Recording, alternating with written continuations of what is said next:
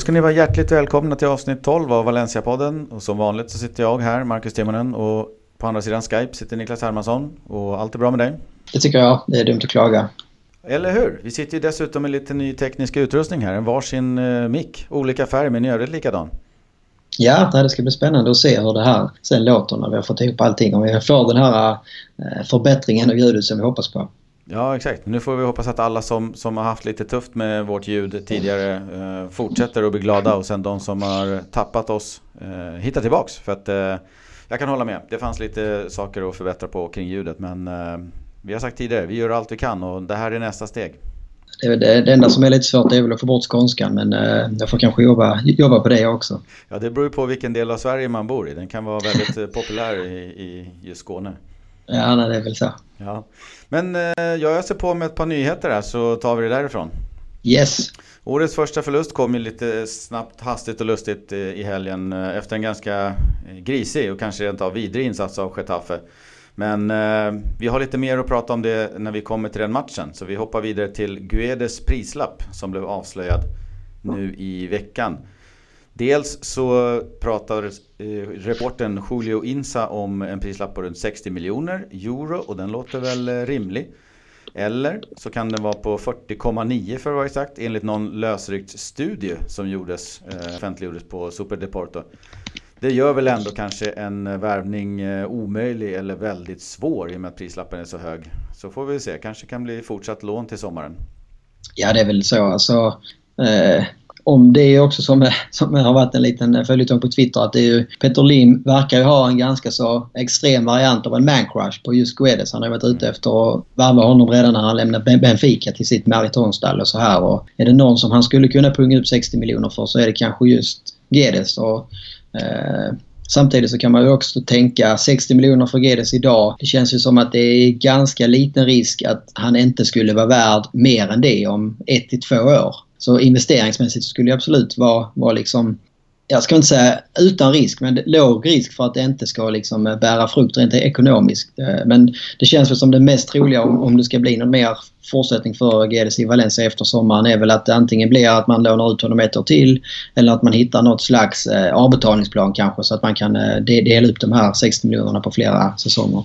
Ja, och med tanke på uh, om man kikar något år tillbaks i tiden med kanske Di Maria och Draxler och lite andra uh, mittfält offensiva killar så, så har ju de gått för ett antal 100 uh, miljoner svenska och 500-600 för dem en gång i tiden. Och ja. det är inte omöjligt att en 22-23-årig Guedes går för samma eller mer. Så det kan nog lika gärna bli en investering i det.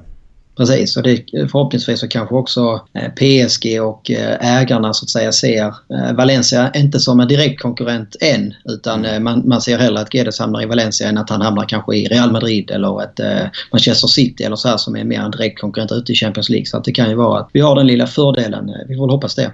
Jag stänger inga dörrar och vi, vi följer noga hur det där går. Vi har väl även hela våren på så att det är väl ingenting som ska hända kanske i vintertransferfönstret direkt. Nej, men det känns väl som... Eh, nu åkte ju ändå Lim till Paris och bara, mm. bara det är väl liksom ett stort steg framåt att, eh, att man påbörjar eh, och hör sig för redan nu så att säga och att man visar att men vi vill väldigt gärna ha kvar honom och det är ju som vi pratat om innan, det, känns ju som...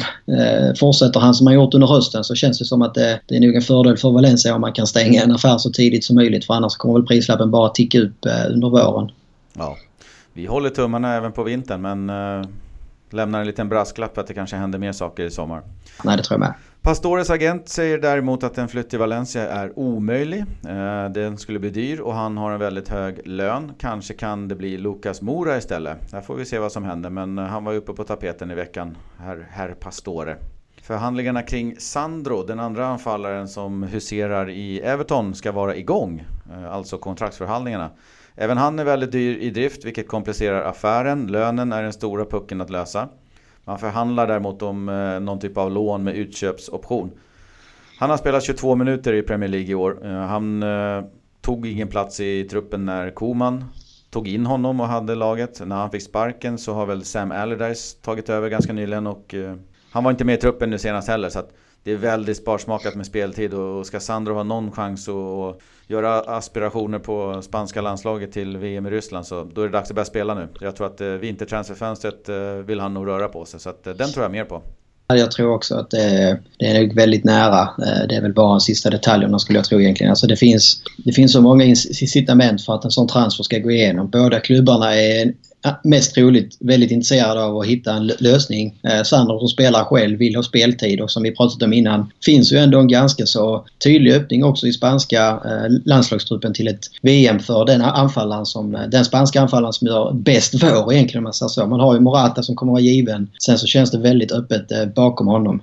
Däremot, eh, eller också ska vi väl säga, så har ju Sasa sin operation. Den ska göras och det lämnar ju lite spelmöjligheter och, och, Marcelino har ju visat att han, han snurrar ju på tre mer eller mindre. Så att Santimina får ju till speltid och Rodrigo och Sasa. Så att jag tror att han eh, känner nog att Valencia kan nog vara ett ställe där han kan få spela också. Så det talar ännu mer för att han kanske, kanske dyker upp till vintern.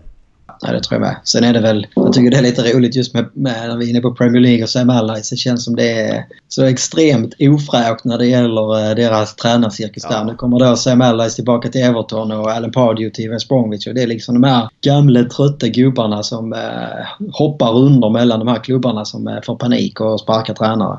Ja, det är som eh Norrköping skulle ta in Tom Prahl eller någonting nu. Ja, men det är lite så. Sen så var det väl samtidigt, var det väl inte så att man grät floder direkt att uh, Ronald Koeman fick sparken. Det är väl en av de tränarna i världen som man uh, önskar absolut noll lycka och framgång. Ja, lite så är det. Han kan gott uh, söka nytt jobb och lär väl hamna i Holland till slut. Ja. Sen hade vi väl vår egen Marcelino, ett litet ordkrig, eller vad man nu ska kalla det, med Zidane och realhöjdarna kring truppen och lagets chanser. Zidane hade väl inga kommentarer på den och det började väl ganska oskyldigt eh, med en fråga i pressen.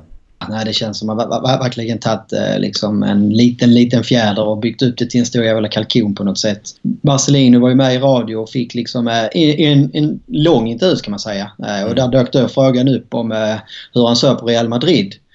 Och framförallt så var det väl, men tycker du att Real Madrid är, har ett svagare lag i år än de hade i fjol? Och jag, jag, jag tror att 99 av 100 personer hade svarat ungefär som Marcelino gjorde. Att ja, men jag tycker att Real Madrid ser svagare ut i år för man tappade en del spelare i somras och man förstärkte inte riktigt så som man, man kanske hade trott eller som man själv hade velat. Eh, och det var liksom inte mer än så. Det var inte någon kritik mot Zidane. Det var ingen kritik egentligen mot eh, Real Madrids spel eller så här. Eh, men det, det, det, känns väl som att en del Madrid-media eh, har väl sökt efter något sånt här liksom och, och kunna skriva upp. Och eh, det var ju någon som gick ut och sa liksom att Marcelino har fått hybris här nu bara för att Valencia går bra en halv säsong här så kan man liksom inte gå ut och pissa på, på Zidane och Real Madrid. Och det var inte alls det han gjorde heller så det, det känns löjligt.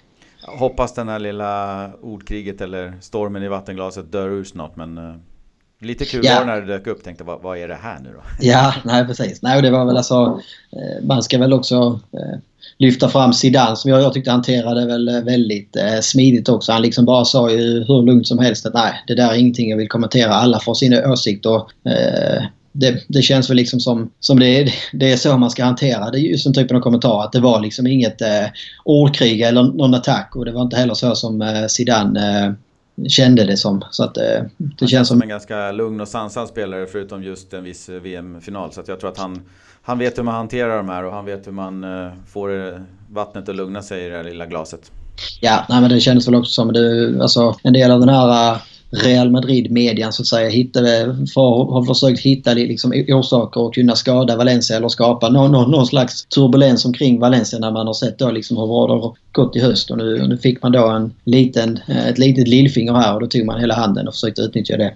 Ja, så är det. Hoppas det lugnar ner sig. Däremot så jag är en liten, eh, liten fan av det där eh, Mourinho-typen av spelet. Ändå, att man, man sätter igång någonting. Det blir ju en extra krydda liksom när rivaliteten drar igång. Och, och varför inte Alltså, Mourinho kör ju ofta det att han, han drar de här fighterna i media. Sen så får laget lugn och ro i bakkant. Att de inte skriver om spelarna utan mest om hans utspel. Så att, eh, Ja, nej, jag håller med. Inte, men det känns... mig helt emot, men det här var, det här var ingenting från början. Så. Nej, nej, men det hade, varit, det hade hellre liksom sett att han verkligen gick ut och liksom sa att äh, fy fan, Real Madrid har spelat skitdåligt i år och det är bara ett under att inte Zidane har fått sparken eller någonting. Alltså, då hade man kunnat snacka om liksom de här uh, mind gamesen eller så här. Men när han svarar på en enkel fråga och ger liksom ett svar som de flesta skulle liksom vara överens om att nej, men det är väl så det är att Real Madrid ser svagare ut på pappret i år. Man gjort förra året och man är mm. åtta poäng efter i ligan. Så det är liksom ingen sån här eh, superanalys som han gjorde direkt. Utan han bara konstaterar fakta i stort skulle jag vilja säga. Ja.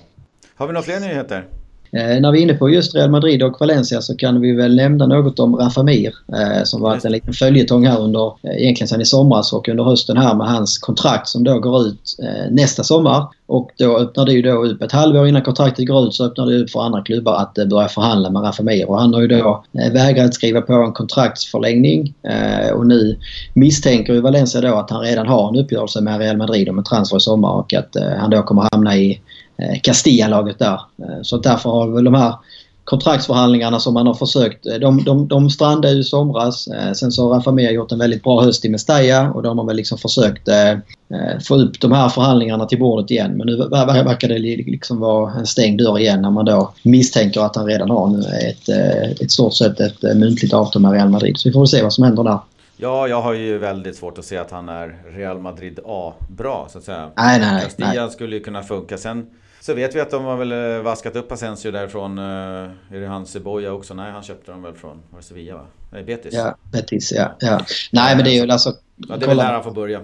Ja, nej men han är ju ingen alltså, Det är inte heller i Valencia att jag tror liksom att han skulle kunna vara den här eh, fjärde anfallaren egentligen. Utan eh, det är väl så fall om man skulle förlänga med honom och kunna ge honom chansen som någon slags joker. Eh, men jag, jag tror ju liksom knappt att han skulle vara en bra anfallare i i, i Segundan idag. Val Valencia med Mestalla spelar ju Segunda B. Och det är väl ungefär samma nivå som, som, som Castilla spelar i. Så det är ju inte så att han kommer liksom ingå i någon A-trupp Real Madrid och att vi tappar någon, någon sån här supertalang. Han har visst potential men ja, där, där, där, finns betydligt större talanger att hålla kvar i Valencia än han skulle jag vilja säga. Han ser ut att bli en ny Eero Markkanen just nu. Ja, lite så. Men, men.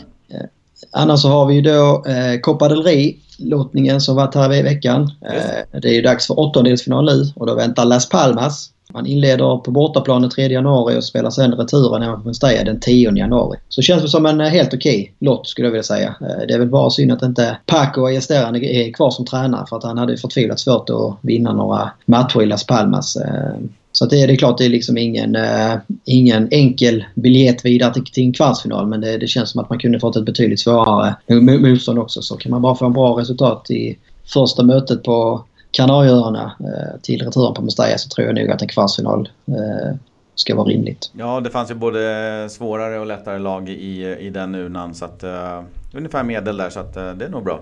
Ja, det tycker jag. Sen hade vi ju en försnedlig eh, bortaförlust, den första för året. Och eh, den kom ju till slut mot ett vilt kämpande och ah, i vissa fall grisande eh, Getafe. De gör ju såklart allt de kan med tio man och ett överläge, så är det ju.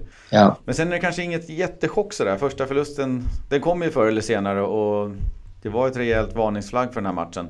Jag tycker eh, lite grann att när man möter en, en eh, stor motståndare, en rival som Barcelona, att man, det blir väldigt mentalt. Man laddar och laddar. Du vet, Sasa eh, laddade ju säkert i veckor för den här och det var den här matchen som man inte ville missa. Liksom. Allt, så tror jag flera spelare tänkte. Och när, när dammet har lagt sig, då är det en ny vecka och sen är det Getafe borta. Då, det blir lite svårt. Det är så med alla stora derbyn ute i Europa att matchen efter kan bli lite tuff och, och nu blev det så. Ja, nej, då gör, då gör det säkert ännu mer liksom när man då ställs mot ett så fysiskt spelande Getafe så, som det var. Det blir liksom ännu jobbigare om man kommer in med kanske 90% inställning och sen så smäller det varenda jävla duell. Då, eh, då, liksom, då är det ganska enkelt att man går ner sig och eh, att man liksom eh, faller in i, i, i deras spel. Och det var väl det som jag tyckte man gjorde också. Det är väl det som jag stör mig på mest är väl liksom mer sättet som förlusten kommer på. Mm. Att det känns liksom som en match som man, man, man, alltså som man ska kunna reda ut. Man får chansen att spela med man mer i 65 minuter och jag tycker man utnyttjar det extremt dåligt. Ja, det händer ju ingenting. Nej. Det, så Början det liksom... av andra tyckte att de kom ut lite så här. Ah, nu har de justerat på bra här och det, det trummade på. Men sen fick ju de sitt mål och... och ah, nej, det där var inget bra. Nej, det var många spelare. Det var många spelare som jag tyckte gjorde riktigt eh, dåliga insatser. Det är ju, Kondogbia blev utbytt i paus. Det var väl också framförallt för att han inte bli utvisad. Han hade ju en varning och eh, Getafe gjorde ju allt efter sin utvisning för att få en Valencia-spelare utvisad och det kändes som att Kondogbia hade nog blivit utvisad om han hade spelat andra halvlek också. Jag tyckte eh, han tycker... var lite ur balans och sådär och kändes lite så här. Eh, han kommer nappa på någon sån här eh, panna mot panna-grej snart och så ramlar ja. Getafe-spelaren så är han ute. Så att, det var nog ett klokt beslut. Han, han, jag tyckte inte han var så värst bra utan det var nog bättre att ge Soler chansen där.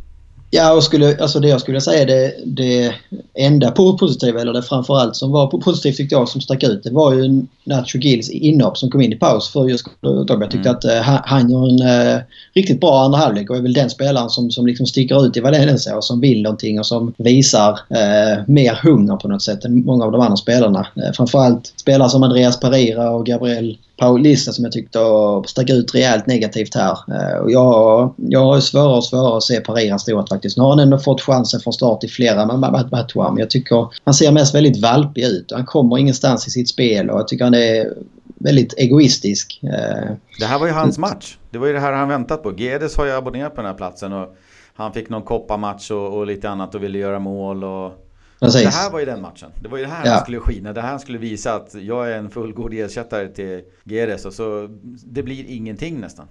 Nej, det är precis som du säger. Nu har han fått både Copa del Rey-matchen mot Zaragoza från start. Han får nu här mot Getafe från start. Men han får inte ut någonting av det och liksom är inte alls den lagspelaren skulle jag vilja säga i offensiven. Han försöker ju ofta själv bara komma till egna avslut. Och, nej, jag ser, det är liksom inte alls eh, det som jag hade hoppats mig av honom. Eh, så att det är lite konstigt ändå. Eh, United brukar ju vara bra på de här, eh, värva in de här talangerna om man säger så. Det brukar ju vara en kvalitetsstämpel på de spelarna som man kan låna från eh, United. Så jag är ju jag är väldigt svårt att se vad det är Mourinho ser i honom och liksom uttalat sig innan att han först inte ville släppa honom och att han ville ha tillbaka honom i vinter och så här.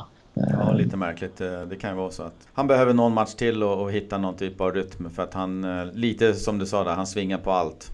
Ja, nej, så var det väl. Visa att han skulle, skulle vilja göra mål och ville visa sig. Och det är, det är nog mer att infoga sig i laget och sen kommer allt annat. När man, har, ja. när man tar på sig den stora laghatten i första hand. Precis. Nej, och det andra positiva som man kan ta med sig det är väl att eh, det blev väl väldigt tydligt att eh, Getafe, och det kommer säkert vara fler lag som helt plötsligt nu ser Valencia som ett topplag igen. Eh, och kommer liksom spela på det här sättet som vi såg Getafe göra nu. Eh, så nu gäller det för Valencia liksom att kunna hantera det här också. Att lag kommer att spela fysiskt, man kommer att spela ut, man kommer att spela på gränsen. Man kommer att försöka få Valencia ur balans och försöka få eh, minimera Valencias egna spel så att säga. Och det, det, var, det är ju det som jag tycker är den största anledningen till att man förlorade. Det var att för att man helt enkelt var alldeles för dåliga på att kunna eh, hantera så som matchbilden blev. Ja, så var det. Uh, och, och, jag kan tycka att man, man hade ju en... Uh, jag var ju ganska störd direkt efter matchen. Så här, aha, nu kom förlusten. Och så var jag irriterad på Getafe-spelarna. Men Samtidigt om man tittar lite nyktert på det, jag menar vad ska man göra när man ligger, eh, leder och har tio man och så vidare.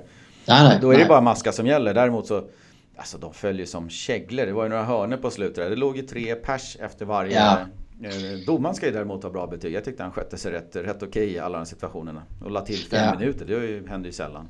Nej, det var ju han här Damian Getafe som måste väl vara en av ligans... Han spelade tidigare i Elche tror jag. Han är väl en av ligans smutsigaste spelare. Och det, det går liksom att säga ibland om en del spelare som offrar sig och som, liksom, som spelar på gränsen så att säga. Att man kan, man kan ändå bli imponerad eller hur man ska uttrycka det. Att det är liksom en krigare och det är vinnarskalle. Men det är det som han håller på med. Alltså, för mig är det liksom bara smuts. Det är inte fotboll överhuvudtaget. Han är bara ute efter att och liksom fuska i stort sett. Han ger, han ger liksom fula tjuvsmällar och efterslängar och han kastar sig som att han liksom blir skjutskytt så fort de kommer nära honom och det, det är liksom så överdrivet. Uh, så när man väl... förlorade så var det väl det som störde mig lite grann. Att, uh, ja, nej, men så, så man fick lugna sig en stund och så tänkte man till efter en stund och så, ja visst jag förstår dem också men kunde väl ha putsat bort lite av den där Ja, nej, jag håller med. Guaita ja, tycker det... jag ska ha en riktig eloge till matchen. Vad, vad, vad, vad har hänt ja. med honom tänkte jag säga? Ja, det har ju framförallt där på frisparken eh, som man får liksom fingertopparna på Barechos frispark och styr den precis i innerstolpen. Är han inte på den så går den ju säkert stolpe in känns det som. Ja, han hade ett bra par, par bra frisparkar, eh, Parejo. Och sitter ja. på mål, det är väl tre, fyra stycken som går runt muren och på mål liksom. Så att det, ja, det, det är ett vapen. Det var väl bara hans hörnor som var extremt ja. dåliga. Jag tyckte det kändes som att eh, 95% av alla eh, stannar på Getafes eh, första gubbe. Och det är ju rätt så dåligt att man inte lyckas liksom, använda det som ett vapen eh, bättre kan jag tycka. Ja, det, det var också väldigt frustrerande på slutet. Man tänkte att nu, nu kan eh, ja, nu ska... någon få nicka in det. Men nej, då kommer Precis. det låg på första.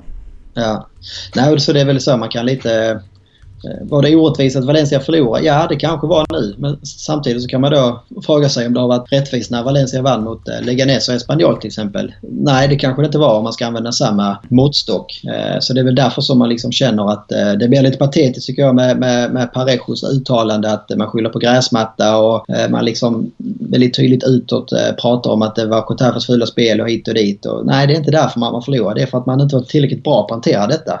Mm. Och det är, väl, det är väl där som jag skulle vilja stanna vid någon minut bara och egentligen analysera vad, vad, vad kommer den här förlusten betyda för laget? För att det var nog så, vi, alla vet att vi, vi, vi kommer inte gå igenom hela säsongen eh, med en nolla i förlustkolumnen. Och det är liksom, ja, nu, nu, nu kom den efter 14 omgångar och nu har vi liksom en så. Eh, så i ena sidan skulle man kunna säga så att nej, Valencia är ju inte ett sämre lag idag än man var förra söndagen när man hade Barca-godning. Det, det, är inget luftslott som kommer liksom avslöjas här nu och det kommer rasa i tabellen. Det tror jag absolut inte. Eh, men å andra sidan så känns det också som att denna förlusten kommer lite grann i sämsta tänkbara läge och på sämsta tänkbara sätt på något vis. Man har dels det här skadeläget som är väldigt prekärt nu. Eh, man möter ett lag som man ska slå alla dagar i veckan om man vill vara topp 3-4 och man får då chansen att spela liksom en man mer eh, i över en timme.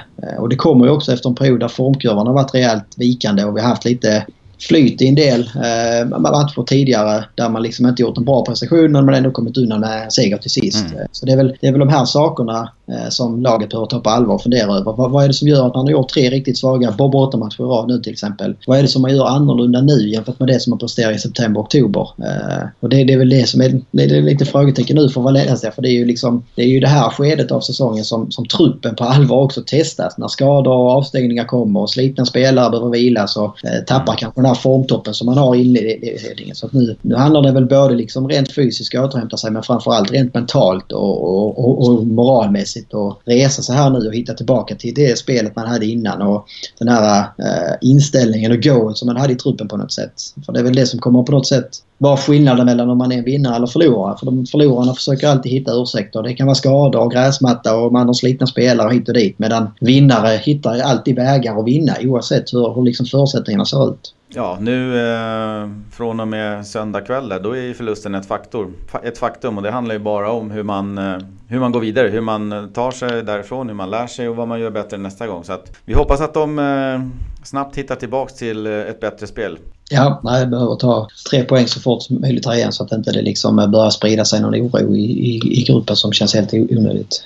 Nej, det får vi verkligen hoppas så, så stänger vi den Getafe-matchen här och nu. Ja.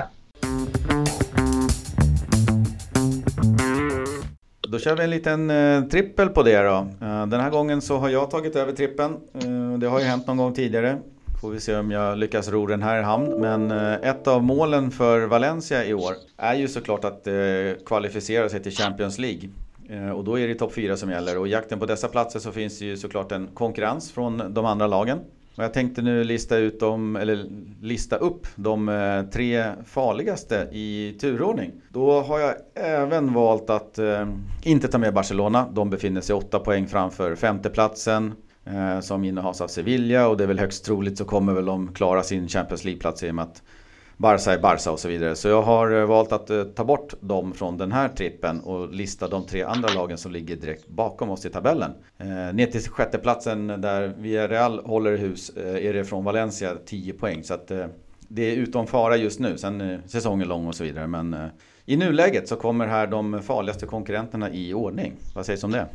Spännande, spännande. Det enda som den enda synen på Barcelona som skulle kunna riskera att de ska bomma topp 4 är väl om den där lilla argentinaren skulle gå sönder. Eh, ja. Så länge han får vara frisk så kommer de garanterat vara topp 4. Ja, det skulle ju vara en eh, skräll utan dess like om de missar ja. Champions League. Absolut. Eh, på tredje plats eh, av de här tre svåra lagen så har jag listat eh, Sevilla. De har ju fått igång ett spel nu och, och lite målskytte. Och haft ett par eh, remontadas, vändningar här på slutet mot eh, Liverpool. Och senast i ligan vände de väl 0-2 till 3-2 vinst. Då. Det kommer ju efter en liten tung period i oktober. Eh, de lär ju även ikväll när vi spelar in det här gå vidare i Champions League. De har ett bra läge. Och då har de minst två matcher till i februari utöver koppan och ligan. Sen är ja. tränare Berizzo som bekant diagnostiserad med prostatacancer. Och det återstår väl att se hur, hur det kan påverka laget. Det kan ju bli både negativt eller positiv effekt och man vet inte hur det har sett ut i oktober. Jag spekulerar nu bara. Eh, känslan var ju att kanske inte det var någon superharmoni i truppen. Jag kände inte riktigt igen det Sevilla som man har sett tidigare år. Fanns det då några tvivel kring honom i gruppen så, så kan det ju ha skingrats nu att alla sluter upp i och med att han, han är, är sjuk och man, man förbiser det på något sätt och då kan det bli ja. positiva effekter av det hela. Sen blir han borta från bänken, eh, antar jag, eh, från stund till annan. Eh, sån här behandling är ju ganska krävande så att eh, vi får se hur det påverkar laget. Tuff match in den här veckan också, Champions League ikväll och sen så är det Real Madrid borta redan på lördag. Och de har faktiskt haft det väldigt svårt mot eh, topplagen med förluster mot Valencia, Atletico och Barcelona. Så att eh, jag tycker nog att de känns som en kandidat för sjätte till fjärde platsen. Eh, så jag rankar dem sist av de tre som ligger direkt efter oss. Håller du med mig? Ja, det skulle jag nog göra. Det känns som av de, av de tre lagen, Madrid-lagen och Sevilla, så är det väl Sevilla som är det svagaste av dem. Eh, det är väl också det, det laget som kanske kommer få det tuffast att hantera eh, tävlingar på flera fronter på något sätt. Madrid-lagen har ändå lite tyngre trupper, tycker jag. Ja. Ja, det tror jag också. På eh, andra plats, då har jag faktiskt eh, tagit Real Madrid. Eh, de har inte riktigt fått fart på spelet i år. Även fast man är regerande mästare i det mesta och de har ju ett superstarkt lag på pappret. i bara hatten av för allt från mittfältare till, till anfall och backar och sådär. Så att eh, ett bra lag, men de har haft svårt att göra mål och det läcker ju bakåt. Ronaldo lär väl förr eller senare hitta formen, men Bale är ju faktiskt alltid skadad och det är frågan om Benzi håller. De, eh, alltså, han borde ligga på 12-13 mål i år vad man har sett men nej, han, eh, han missar för mycket och nu är Ramos avstängd igen. Jag vet än så länge inte hur eh, många matcher det ger men troligtvis 2-3. Jag hörde att han var därmed också La Ligas mest utvisade spelare någonsin i och med mm. sin utvisning i helgen. Ja, så är det. Var det 19 i La Liga tror jag. Det är helt galet. Ja, ja. På det även vad jag förstår Asensio skadad i alla fall nu till helgen. Eh, de lär ju gå vidare från Champions League och det påverkar, eller de går väl vidare eh, i Champions League och det lär inte påverka dem negativt. Det är ju vardagsmat för dem. Men vi får ju se framåt våren hur, hur det Champions League-äventyret påverkar ligan om, låt säga Barca springer iväg och leder med en eh, 10-12 poäng. Hur, man, hur laget väljer att disponera sina krafter så att säga. Om det är en, en framgång i Champions League som, som eh, ligger före ligan om man nu ändå ligger efter. Sen kan vi tänka sig Real Madrid. Jag menar går det tungt för dem så har ju de eh, världens största pluska för att, att, lägga upp pengar på spelare som sitter mitt i och under kontrakt och så vidare. Så att eh, det kan ju komma in någonting i vintertransferfönstret. Men eh, jag håller ändå dem som eh, tvåa på denna lista över svårast konkurrenter. Ja, spännande. Spännande, spännande. Man blir nervös här vid första platsen. Väldigt oväntat här. Är det Levante? Nej, kanske.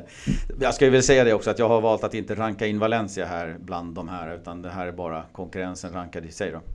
Men etta så tar jag Atletico Madrid.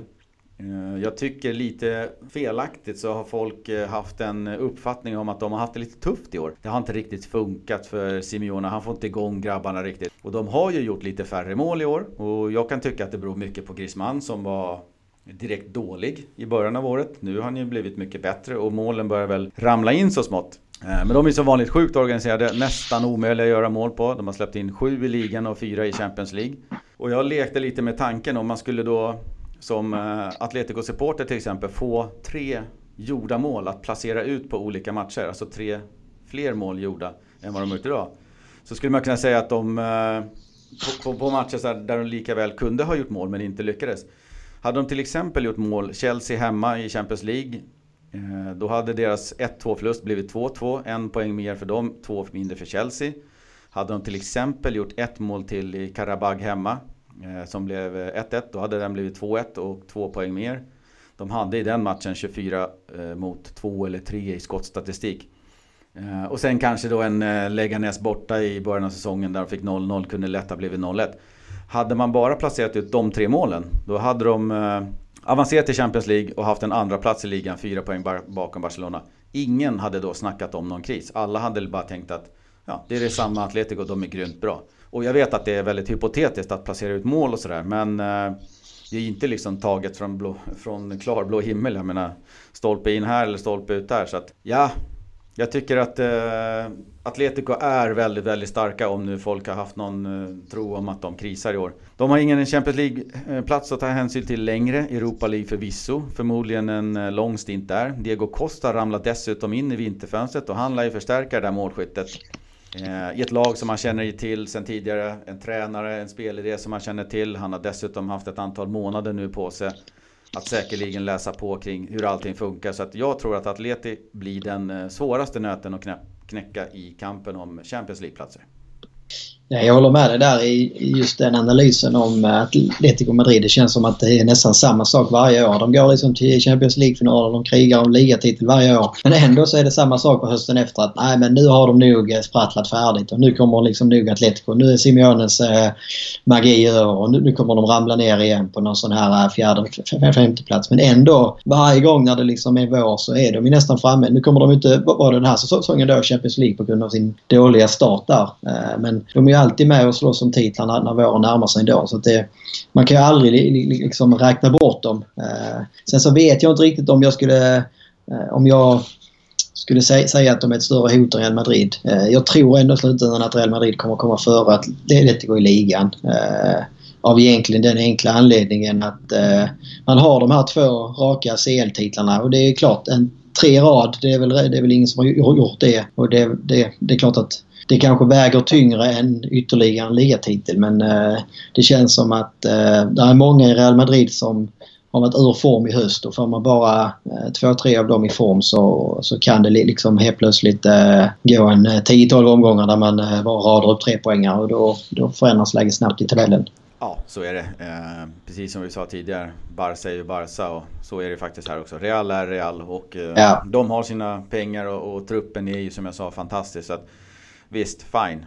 Man kunde ha tagit som... dem som etta också men det känns ja. inte som att de får ihop det riktigt då. Det är någon, jag vet inte, kan vara mättnadskänsla, kan vara egon som kanske drar iväg när folk vill ha mer rampljus för att man är Champions League-mästare och så vidare. Så att, ja, ja. Nej, men det är väl alltså på, på, ett sätt så kan ju, alltså kollar man offensivt på Real och Barca så eh, normalt alltså, skulle man kunna likställa å ena sidan där jag tycker att Benzema och Suarez ser båda liksom ut som att äh, men de är på väg, de, de har pikat, de är på väg neråt. Skillnaden då i Barca det är ju att Leo Messi har varit fantastisk i höst. Mm. Medan Ronaldo inte har varit det. Eh, och det är ju liksom det är väl de poängen som också, liksom, de här åtta poängen som skiljer nu. De när Leo har klivit fram och räddat, jag vet inte hur många gånger som han har antingen liksom gjort någon magisk framspelning som mot Valencia eller han har gjort ett sent mål som han har fått den där trepoängaren. Eh, medan då Ronaldo har liksom inte varit den matchvinnaren på något sätt som, eh, som han har varit andra säsonger. Och får man igång honom under våren så då inser man ju också liksom för Valencias del att, eh, att, att komma topp tre i denna ligan det är ju liksom eh, det är en stor, stor bragd om Valencia skulle klara det med den truppen och den budgeten som man har eh, nu. Eh, det är liksom det enda rimliga laget att egentligen kunna fightas mot det är ju Sevilla. Även om de också har en budget som är tre, fyra gånger högre än Valencia så är det ändå lite rimligare eh, motstånd där på något sätt. Mm. Eh, så att ska man vara, ska man vara liksom en neutral eh, tråkig realist så, så kommer det väl kanske bli så att det är Valencia och Sevilla som i slutändan gör upp på fjärdeplatsen. Eh, ska man vara romantiker så, så hoppas jag väl för fortsatt att Valencia ska kunna återupprepa det man gjorde både 01 och 03. Eh, och då menar jag kanske inte bara att man ska vinna ligan utan att man ska liksom fortsätta slå underläge en hel säsong och kunna, kunna slåss mot de stora drakarna med, med lite mindre resurser. Ja, och Real Madrid har haft lite motvind också. Var det Eibar de tappade två baljor mot på slutet hemma och tre poäng till. Då är de eh, uppe på en andra plats istället. Bredvid Valencia då. Ja. Så då har det sett annorlunda ut. Så att det det är inte mycket som skiljer för, från eh, floppen sådär. Men jag tycker att eh, till skillnad från Atletico så har Reals spel sett eh, faktiskt ganska dåligt ut. Vilket jag inte tycker att eh, Atletico spelar ut. De har sett bra ut men de har några baljer för lite i år i några viktiga lägen. Det är väl Karabag-matcherna och sen eh, några, några målsnåla matcher i början eller någon målsnål match i början som skiljer dem från fortsatt liksom eh, jättesuccé till, till att man nu kanske tänker att de inte riktigt är lika bra. Men jag tror att Atletico är lika bra. Så att eh, just här och nu så placerar de som eh, den svåraste nöten att knäcka. Ja, nej, det håller jag med om. Och det är väl det man kan bara slutligen konstatera. Det är väl också att det, det, det skulle ju vara en katastrof för något av Madrid-lagen att bomma Champions League medan det för Valencia och Sevilla inte liksom kommer att vara samma eh, katastrof på det sättet. Men, men för de två lagen skulle det vara ett stort fiasko och i stort sett en katastrof. Ja, förhoppningen någonstans är ju att eh, Valencia kniper den här platsen och att det, det är början på ett långt pärlband av Champions League-framträdande så att man liksom på allvar kommer tillbaka där. Så att, eh, jag tror att det betyder oerhört mycket för Valencia att kunna knipa den här platsen. Det var väl jag såg, det var någon av tidningarna som hade det som rubrik också att det var många år sedan som det var som det är i år. Men nu är det liksom ändå the big five i Spanien som är mm. topp fem och, och, och gör upp om det här. Och det är väl ganska så häftigt på ett sätt att eh, det är liksom storlagen som, som presterar. Och eh, det brukar alltid vara något lag som liksom sticker upp sådär och är en liten skräll kanske. Och det, ja, det är väl klart att Valencia är tvåa får man väl ändå se som en skräll i år eftersom man har varit tolva två säsonger i rad. Men man är ju fortfarande liksom en av de större eh, klubbarna i Spanien. Ja, och jag kommer ihåg, det var inte många år sedan. Var det fyra, fem år sedan? Eller tre, fyra då. Eh, innan dess så var ju... Eh, då var det ju Real och Barca. De ryckte ifrån och så... Så, så ja. var de ju där efter halva säsongen så, så var det klart att någon av dem skulle vinna. Sen när Atletico blandade sig i, då tänkte man att ja men nu blir det lite mix där uppe. Eh, nu är det lite kul. Eh, och nu är det ju fem lag där uppe så att ja. Eh, det La Liga kunde inte vara mer spännande just nu. Nej, det är väl det, det som är kul. Det är ju många, precis som du säger, som försökte döda liga för några år sedan och sa liksom att ah, men det är som Skottland. Det blir antingen Real eller Barca och de springer iväg och det finns ingen annan som kan mäta sig med. Och nu, eh, nu kan man då, kollar du på Premier League till exempel så skiljer det väl åtta poäng eh, mellan ettan och tvåan där och de åtta kan vara elva till helgen. Mm. Eh, så det är, är det Premier League som har blivit den här eh, skotska ligan nu. Eller, mm. Men det, det pratas inte om det på samma vis då utan eh, jag tycker det är extremt kul att eh, spanska ligan lever och alla de här fem stora lagen är med och kan, kan liksom slåss om det i toppen och förhoppningsvis att, eh, att man är med alla fem så länge som möjligt där. Ja, det är spanska och italienska. De har ju haft Juventus där borta som har sprungit ifrån varje år och nu är det tajtare i år. Så att eh, La Liga och Serie A ser spännande ut. Och Absolut. det är glädjande att se att Valencia är med där. Så, så ja. stänger vi trippen med, med de orden. Det låter bra. Vi springer raskt vidare till nästa match som är nu till helgen. Valencia mot eh, Celta från Vigo på Mestalla. Eh, lördagsmatch 20.45, de gillar jag. Ja, det känns som uh, lite mer riktig spansk fotbollstid än de här. Framförallt de här som är klockan ett på söndagar eller sådär. Det, det känns inte riktigt rätt. Ja, det enda som är det är att den här tiden, 20.45 på en lördag, för min del så betyder det iPad och hörlurar medan frun sitter klistrad framför Så mycket bättre på fyran. Ja. Att, uh, Ja, det är väl det som är nackdelen då. En söndagkväll kanske det är enklare att kunna abonnera TVn. Ja, det blir ingen stor bild men uh, det funkar. Sen har vi ja. Marcelino tillbaks på bänken. Det ska bli härligt. Ja, det är väl det som man kan säga. Han är ju fortfarande obesegrad som Valencia-tränare i alla fall eh, när han har varit på bänken. Eh, så det är väl det som man får försöka studsa vidare på. Och har väl också förstått att han inte var alls nöjd såklart. Eh, det var väl ganska väntat att han skulle vara missnöjd här efter Getafe-matchen. Han, han, har inte gått ut och sagt någonting i, sorts, i media om in, insatsen här eller om vad han, han har tyckt. Eh, men det har väl kommit fram en del grejer från träningarna. Där dels har han ju kört för första gången på länge eh, mer taktiska tränare där han har delat upp gruppen i då defensiva och offensiva spelare och kört tuffa pass där han gått igenom olika saker som han inte alls var nöjd med hur det såg ut senast på Getafe. Så det, det tycker jag också på något sätt visar att eh, han är eh, den tränaren som vi pratat om innan. Att han vill lära sig av misstagen. Mm. Eh, och han har ju också eh, hållit på med den här typen av, av, av, av träning av saker när man har vunnit men när han inte varit nöjd ändå med en del grejer.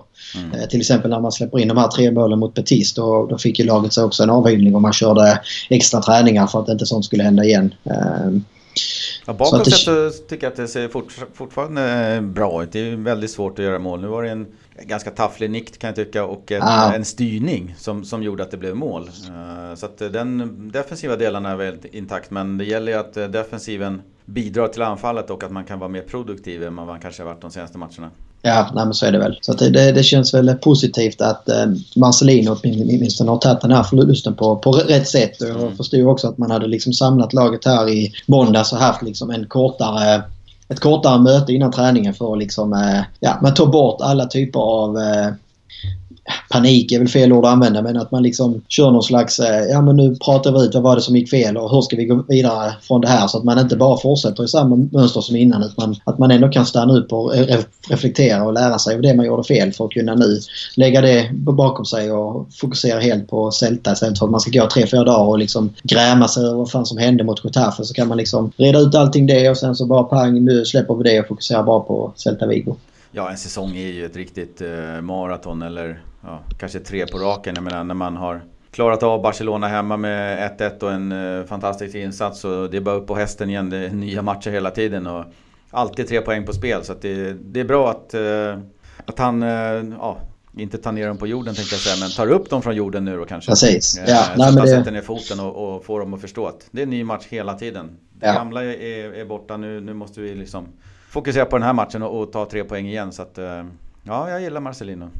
Ja, no, det ger ju trovärdighet. Liksom. Alltså, vi har ju hyllat honom innan för att han har tagit ner dem på jorden ibland när man har vunnit men inte spelat bra. Då gäller det liksom att ha samma trovärdighet här. att Nej, ni är inte världsmästare för att ni slår Leganes men ni är heller inte sämst i världen för att ni förlorar mot Getafe. Så det känns som att han är väldigt bra på att hitta den här balansen eh, och liksom inte få de här eh, spelarna som kanske skulle svävat iväg när det går bra eller spelare liksom som gräver ner sig efter en förlust. Utan eh, eh, en match i taget. Det låter tråkigt men man har ju också ett ganska så viktigt spelschema här nu innan jul med, med tre, eh, tre omgångar där man, där man absolut skulle kunna ta, eh, ta full pott. Med Celta hemma här först, sen är bara borta och Villarreal hemma eh, på lilljulafton. Och tar man tre segrar här så visar man ju både sig själva och liksom de som kanske börjar tvivla här nu efter förlusten att eh, nej men det är på allvar och man, man kunde studsa tillbaka. Mm.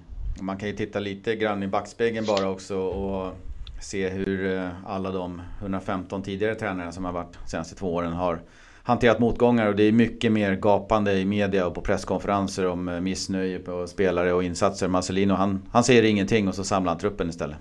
Precis. Sånt gillar jag i alla fall. Det, det, man hanterar internt och man går vidare. Jag menar, motgångar kommer alltid och det här var inte den största av alla motgångar. Det är ingen Champions League-förlust. Nej, och han försöker inte hitta liksom... Eh, han hade ändå kunnat hitta en del billiga poäng. Att, äh, vi hade Ga- Garay skadad, vi hade Gede skadad, vi har Morio skadad. Eh, det var dåligt eh, plan och vi, hade, vi mötte ett fysiskt fult lag. Alltså, det fanns ändå många ursäkter som han hade kunnat hitta. Men Mm. han, han- gör inte det och det gillar jag. Att han liksom... Eh, fan, alltså det, det, de grejerna som jag radar upp nu, de är ingenting som vi kan påverka. Det är det vi kan lära oss av. Det är det som vi gjorde fel. Och vad, vad liksom, hur kan vi undvika att det händer igen? Och det, det är precis den typen av tränare och ledarskap som jag gillar. Verkligen. Celta å sin sida har väl eh, hittat formen lite grann efter en svag inledning. Kryss genom mot Barcelona, den, eh, det var starkt. De kämpade vilt där på slutet.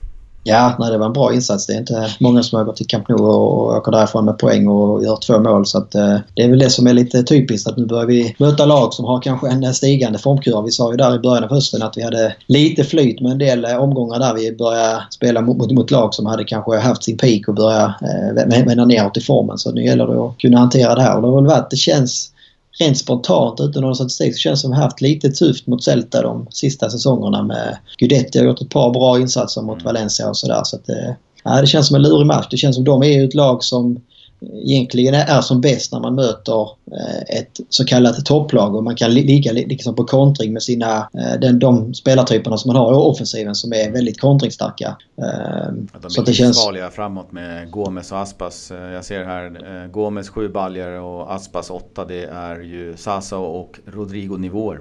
Ja, eh, man har ju ett par danskar där i eh, Pisto och Vass som också eh, tycker jag var väldigt imponerad av. Eh, framförallt tycker jag det är helt otroligt att Daniel Vass inte är, är given i danska landslaget. Jag tycker han har gjort några eh, insatser som har varit riktigt, riktigt bra faktiskt här på slutet. Eh, så att det, det, blir, det blir ett bra test för Valencias defensiv känns det som. Eh, Och det känns som att det kan bli en målrik historia för att Celtas styrka är väl i offensiven eh, och eh, lite sämre bakåt. Ja, sen ska man väl aldrig jämföra spelare men de har väl lite av eh, Danmarks eh, Alexander Isak. Deras eh, stora påläggskalv gick ju till Dortmund precis som Isak gjorde och nu är utlånad till Celta Vigo. Just det. Han är förvisso eh, turk så han spelar väl för det turkiska landslaget men Ja, jag vet han inte är en eh, väldigt talangfull spelare. Jag tror att jag har sett några inhopp av honom i, i Celta och det är en, eh, ett litet eh, kvicksilver där framme. Frågan Ja. är om man får någon speltid med Aspas och Gomes. De lär Nej, precis. Ja, nej, det är väl samma med eh, vår kära Guidetti så att säga. Han har också fått eh, väldigt eh, sparsamt med speltid där denna säsongen. Guidetti känns som en sån här skön spelare eh, att slänga in i ett lag när man eh, leder med 1-0 och ska lägga ett blött täcke över matchen. Han, han springer och jagar och stressar där uppe. Ja, lite så. Eh, inte så mycket att kasta in när man ligger under för att målskyttet är väl hans aber. Ja, det är väl så. Det återstår väl att se också. Man har ju en gammal eh, Valencia-bekanting i Pablo Hernandez. Mm. Eh, vi har haft en del tidigare under säs- säsongen där vi har liksom insett att släkten är värst. Eh, Mm. Så vi får hoppas att eh, han lämnar Mestalla mållös denna gången. Verkligen. Vad, vad tror vi om matchen då? Ska vi kika på våran lilla scorecast? Det gick ju käpprätt åt pipsvängen förra gången. Ja, det är en riktig, riktig formdipp för mig. Jag följer lagets formkurva ganska så identiskt känns det som. Jag har två raka nollpoängare. Så det är väl bara ut på hästen igen. Ja, nu, nu är jag lite och nosar här. 8-7 står sig från, från förra helgen. Så, ja, jag känner flåset i nacken. Du, Nej, jag... väl, du gick väl in med en 3-1 förra gången först. Så att, ska jag börja med min? Jag gör det. Jag tror att grabbarna rycker upp sig tar tag i det här. De eh, lyckas inte hålla nollan men eh, tar en eh, stilig 3-1 seger den här gången. Ja, snyggt. och sen hoppas jag kanske att Pereira äntligen får göra ett mål så jag sätter honom på första målskytt. Fortsätter tro på honom ja. Ja, men kan väl hoppas att det, det är kanske ett mål som behövs för att liksom få det här förlösande trycket från axlarna och ja. att han kan spela ut hans potential. Vi får se om han får spela överhuvudtaget men ja, det får bli ett långskott på Pereira. Ja, vad tror du? Eh, jag tror att Sasa gör första målet. Han har, jag vet inte hur många veckor han har varit mållös nu. Eh, det, det, måste snart vara dags att han gör mål igen. Eh, det är väl både vad jag hoppas och eh, kanske mer hoppas än tror egentligen. Han har sett eh, formsvag ut men eh, jag sätter honom som första målskytt och sen så tror jag det blir en ganska så knapp 2-1-seger faktiskt. En eh, krigarseger eh, mer än en, eh, en spelmässig formidabel insats kanske. Eh, men eh, så länge det var tre poäng så kan vi vara nöjda med det. Ja, eh, Sasa har väl kanske suttit i spelarbussen och lyssnat på Valencia-podden när vi pratade om att han måste få upp antalet avslut på mål. Eller avslut ja, överhuvudtaget och det har ju ökat på nu. Men målen lyser med sin frånvaro tyvärr. Ja, nej, hans effektivitetsprocent har gått ner rejält de sista veckorna. Ja, det är väl tveksamt om han lyssnar på podden men du nämnde det på Twitter, det var ju riktigt kul att eh, målvakt Neto hade likat vårt eh, Instagram-inlägg. Det var kul. Ja, det var väldigt oväntat framförallt. Ja. Men men, eh, det börjar lida mot sitt slut och det är alltid, tiden går fort när man har kul. Så vi, vi kör över en vanlig Facebook, Twitter, Instagram. In på Valencia-podden där, häng med oss. Jag tror att vi ligger på 93 eller 94 följare på Facebook. Det vore ju kul att ta sig över 100. Så att eh, du som lyssnar känner att du vill ha sparsam men väldigt viktig och rolig information via Facebook. Gå in och, och följ oss på den. Så får du reda på när nya avsnitt eh, kommer. Och gör som Netto och följ oss på Instagram. Ja, alltid. Där är vi inte ja. uppe i 100 än, men eh, in där också. Facebook, Instagram och Twitter, där finns vi. Sen eh, kan vi väl avslutningsvis säga att vi får in en del mail från er lyssnare och det är oerhört kul. Fortsätt jättegärna med det många som eh, mejlar in frågar efter Valencia-biljetter. Så vi kan väl ta och eh, dra den lite snabbt. Hur eh, köper man biljetter enklast? Ja, det har ju blivit, eh, har ju blivit ganska så enkelt jämförtvis med det var för några år sedan när det i stort sett var omöjligt att köpa eh, från Sverige eh, utan att man skulle gå via någon dyr eh, mellanhand så att säga. Idag så är det enkelt och smidigt att köpa via hemsidan. Det stora problemet och männet i det här är ju att man släpper biljetterna väldigt, väldigt sent. Jag skulle säga som tidigare så kanske de kommer ut en månad innan match och ibland så är det inte mer än två veckor innan match. Så att det gäller liksom att, att ha koll på hemsidan med jämna mellanrum. Och jag vet vi fick något mejl någon som skulle ner i mars-april och det är liksom det är i stort sett omöjligt att köpa biljetter idag för att dels så är ju inte omgångarna bestämda vilken dag man spelar och biljetterna är absolut inte släppta på hemsidan. Eh, men det är hyfsat enkelt men man får ha koll när de väl dyker upp. Ja, och det är ju faktiskt inte fullsatt på matcherna. Eh, jag köpte Nej, till Sevilla-matchen till exempel eh, och det fanns ganska gott om platser att, köpa. Så att, var inte oroliga för att det inte kommer finnas platser. Det, det gör det. Håll bara lite koll på det där så kan ni enkelt och smidigt både, man klickar in sig på en liten karta över läktaren och, och, vilken sittplats man vill ha och sen betalar man och skriver ut en eh, papperslapp som man tar med sig och scannar vid ingången. Så att, inga problem. ha lite is i magen och håll koll på hemsidan så släpper de biljetterna där. Ja, det är väl egentligen bara just mötena med Real och Barcelona som riskerar att bli utsålda på förhand. Eh, men oftast även då så kan man alltid köpa någon ströbiljett ganska sent. Eh, de är, de är inte sådär... Spanjorer är inte supersnabba på liksom... Eh, det är inte som när det är någon Bruce Springsteen-konsert på Ullevi att det tar slut på en timme utan går man in den dagen som biljetterna släpps så är det nästan aldrig några problem att få en helt okej biljett. Nej, och de är faktiskt rätt hyfsade i pris. Återigen om vi bortser från alla Barca-matcherna så det är från en, eh, om man vill sitta på de övre riktigt branta etagen där så ligger de väl på en, kanske en 200 eh, och ska man ha fina platser mitt på långsida så är det väl kanske en uh, tusing. Så det är någonstans däremellan. Ja, nej, jämfört med Premier League så är det riktiga... Det är ju nästan som allsvenska priser skulle jag vilja säga. Ja. Eh, Så att det är väldigt eh, ekonomiskt att på fotboll i Spanien. Så är det. Fortsätt lyssna, fortsätt mejla. Så avslutar väl vi för denna gång för, med ett eh, Hasta luego! Hasta luego!